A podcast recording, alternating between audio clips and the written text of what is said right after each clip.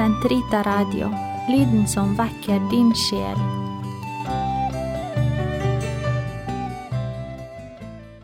Gud en sinnatagg om katolsk forløsningslære. Som gammel prestkall har jeg snakket med mange eldre katolikker fra mellomkrigstidens Norge. De forteller, og nå litt lattermild, om kappløpet med Gud. Når de plumpet ut i en dødssynd, og dem var det mange av på den tid, gjaldt å nå frem til skriftestolen og dens forståelsesfulle skriftefar før Gud kom dem i forkjøpet med en takstein i hodet, og så lukt i fortapelsens avgrunn. En ungdom som hører dette i dag, ryster gjerne på hodet og kjenner seg ikke igjen. Godt er det. Men svært så til årskommen skal ikke et kristent menneske være for i ulykkens time stønne. Hva galt har jeg gjort siden dette skulle hende meg? Den straffende Gud har så visst ikke avgått med døden. Er det så at Gud er en sinnatagg? En tysk psykoanalytiker, Tilman Moser, skrev for flere tiår siden en bok med tittelen Gudsforgiftning. I mellomtiden er den blitt kjent over alle landegrenser. Boken er skrevet som et brev til den Gud som forgiftet hans liv som barn, ungdom og langt inn i voksen alder. I dette brevet tar han i sitt 42. år avskjed med den karikerte Gud som ble hans sykdom. Fromme foreldre kanaliserte i god tro sin nedarvede, tyranniske, straffende Gud inn i hans barnesinn. Han skriver, Vet du, Gud, hva som er verst ved alt de forteller om deg? Det er at de strør ut den listige påstand at du hører og ser alt og kjenner selv de hemmeligste tanker. Gud blir blodig fornærmet når han forsømmer og pusser tennene, når han i lek med venner får en fleng i buksen, når han i barnehagen konkurrerer med de andre om hvem som tisser høyest på veggen. Den ytring fra foreldrene som skremmer mest er, hva tror du den kjære Gud vil si til det? Han er i egne øyne en spedalsk, forutbestemt til evig fortapelse. Han raser mot den overmektige Gud som biter seg fast i alle kroppens og sinnets hulrom. Du var undertrykkende, hensynsløs, grusom, ondskapsfull i din overlegenhet, og min barnslige svakhet og forsvarsløshet sjenerte deg ikke i ringeste grad.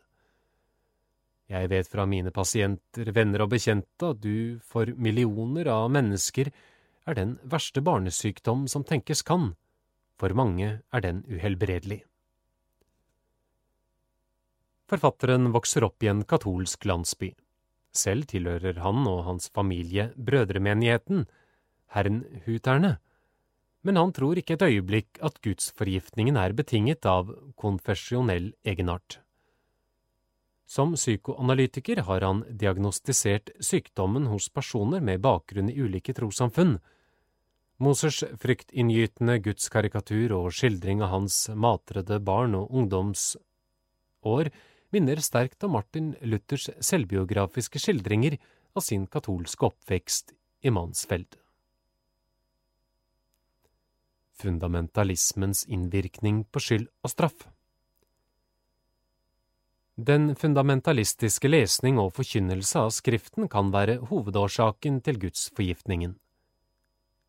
Bibelen er full av antropomorfe ord og uttrykk, det vil si, vi taler om Gud på menneskelig vis, vi overfører tanker og begreper fra egen erfaringsverden på den aller høyeste. I Det gamle testamentet har Gud ansikt, ører, munn, hender, føtter, hans tanker og sinnsstemninger skifter stadig. Han husker noe i det ene øyeblikk og glemmer i det neste. Han skaper menneskene og angrer senere at han har gjort det. Slike skildringer motsier ordene i Jakobs brev. Hos ham, Gud, finnes ingen forandring, intet skifte fra sol til skygge. Jakob 1, 17 Alle menneskelige ord, selv de mest sublime, er bare bilder som aldri dekker den guddommelige virkelighet. Slik også med ordet vrede. Både i Det gamle og Nye testamentet er Gud svært ofte så vred på menneskene. Men vrede finnes bare i vesener med et følelsesliv, forutsetter altså en kropp, noe Gud ikke har. Vi står altså overfor en antropomorfisme som bokstavelig forstått og utnyttet pedagogisk i katekesen kan skape nedbrytende angst. Les Mosers brev til Gud. Kunne vi ikke interpretere Guds vrede i den retning at han, som i sin helhet er all verdens fylde fra evighet av, står syndens intethet imot? Synden mangler jo samsvar med den gudgitte moralske norm. Gud hater synden, men elsker synderen. Professor Johannes Grundel skriver i Christlichler Glaube in moderner Gesellschaft i teologisk tenkning i dag ser man ikke på skyld og straff som noe som følger etter hverandre, men som faller sammen. Det er ikke Gud som straffer synden, men i synden og dens ettervirkninger ligger allerede straffen. Bibelens bilde av en vred Gud som ilegger straff fordi han er blitt fornærmet på grunn av synd, har sine røtter i datidens antropomorfe tenkning. Gud har altså skapt oss slik at vi kan straffe oss selv. Vi synder, angrer, får tilgivelse, men synden har skadet noe i vår individuelle menneskelige natur, innsnevret vårt hjerte, gjort oss kald mot nesten, skapt egoisme i sinnet. Disse skadene blir ikke uten videre fjernet ved synstilgivelsen, kun ved en indre smertefull omvendelse blir vi kvitt den. Smerten vi da opplever, er syndestraffen. Denne indre smertefulle prosess hører med til hvert menneskes personlighetsutvikling. Vi kan også med den frihet Gud har gitt oss, velge å avvise Hans tilgivende kjærlighet. Vi kan forherde vårt sinn, føye synd til synd like til det siste, og slik straffe oss selv til vårt evige helvete. Pave Johannes Paul 2. skriver i sin bok Over håpets terskel at evig fortapelse ikke er annet enn menneskets definitive avvisning av Gud. Sønnedrapet Når vi leser Mosers brev til Gud og taler med andre som har gjennomgått lignende, forstår vi hvilke drepende sår vi kan tilføye et finstemt sinn når vi ved bokstavtro bibelutleggelse tegner bildet av en surmulende Gud som hevner selv den minste forseelse. Farlig blir det også når vi analogt lar Faderen straffe sin uskyldige sønn. Hvem har ikke lyttet til en fromme predikant som forteller at Faderen lot sin vrede lyne over den syndefrie sønnen som hang på korset og slik frelste oss som var skyldige. Jeg vet ikke hvor mange mennesker jeg har møtt som på grunn av slik forkynnelse mistet sin barnetro. Hinduer som er blitt utsatt for slike prekenfloskler, betegner kristendommen som en barbarisk religion, og da med rette. Våre tanker går til hine dager da okkupanten i vilt raseri skjøt gisler når sabotørene unnslapp.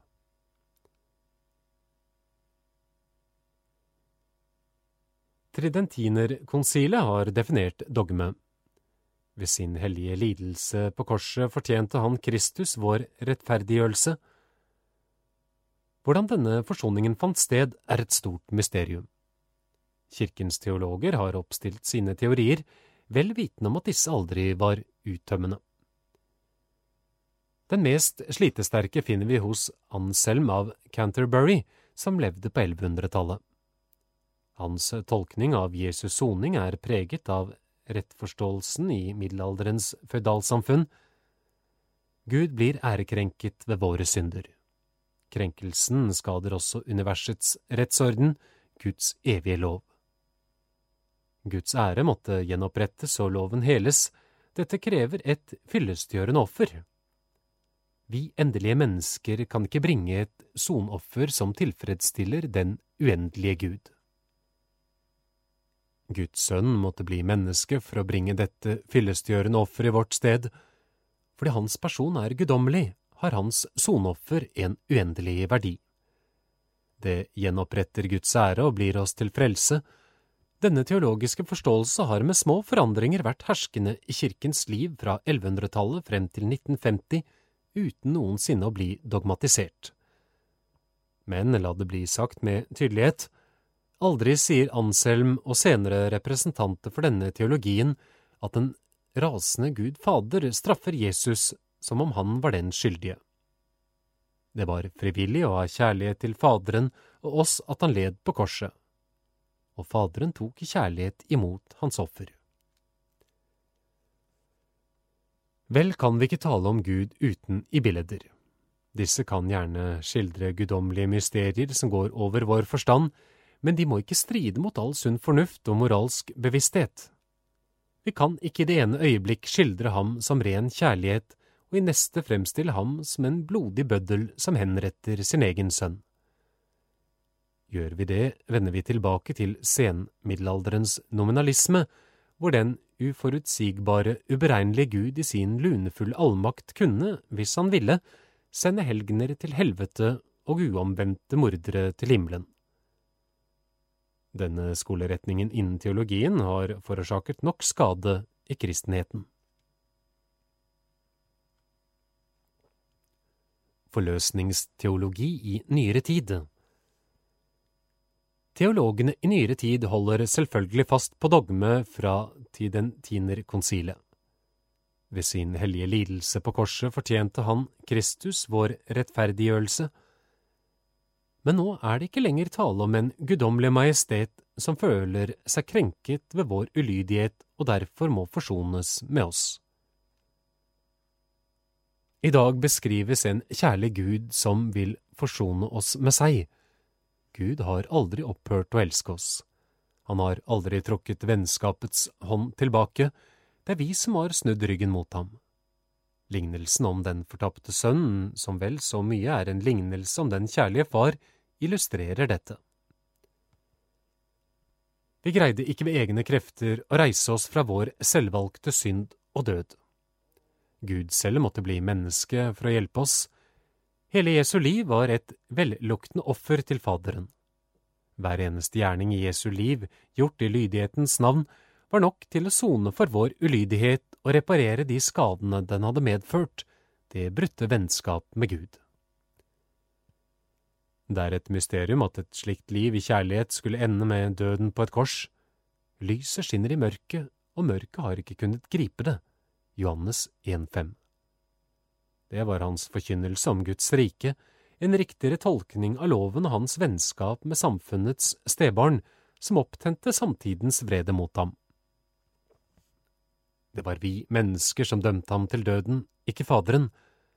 Da han forsto hvor det bar hen, kunne han menneskelig talt avveket fra lydighetens vei. Det gjorde han ikke. Han var lydig til døden, ja, døden på et kors. Filipperne 2, 8. I sin død tilintetgjorde han vår død og brakte Faderen det fyllestgjørende offer vi ikke maktet.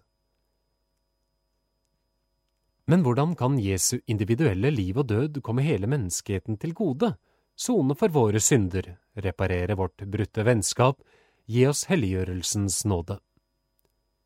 Fordi Jesu på et vis ikke er en annen.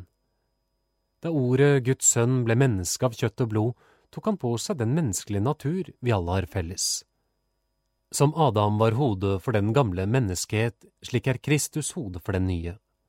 Som Adams synd gled over på alle mennesker og forårsaket vår død, slik blir Kristi lydighetsoffer til liv for alle mennesker han ved sin menneskevordelse har gjort seg ett med. Sammenlign Romerne 5, 18–19.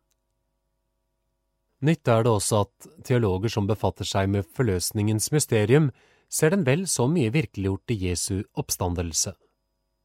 Er vi blitt korsfestet med Kristus, skal vi også stå opp til et nytt liv sammen med ham. Sammenlign Romerne 6, 5–6. De som ønsker å trenge seg dypere inn i dette temaet, vil jeg anbefale Den katolske kirkes katekisme, nummer 595 til 630, Pave Johannes Paul 2.s bok Over håpets terskel, side 65 til 84, fremfor alt den hollandske katekisme med Vatikanets utfyllende bemerkninger, side 289 til 393. I sistnevnte bok blir det for sikkerhets skyld gjentatt hele åtte ganger at vi for all del ikke må oppfatte Kristi soningsdød som en straff en vred Gud ilegger sin sønn.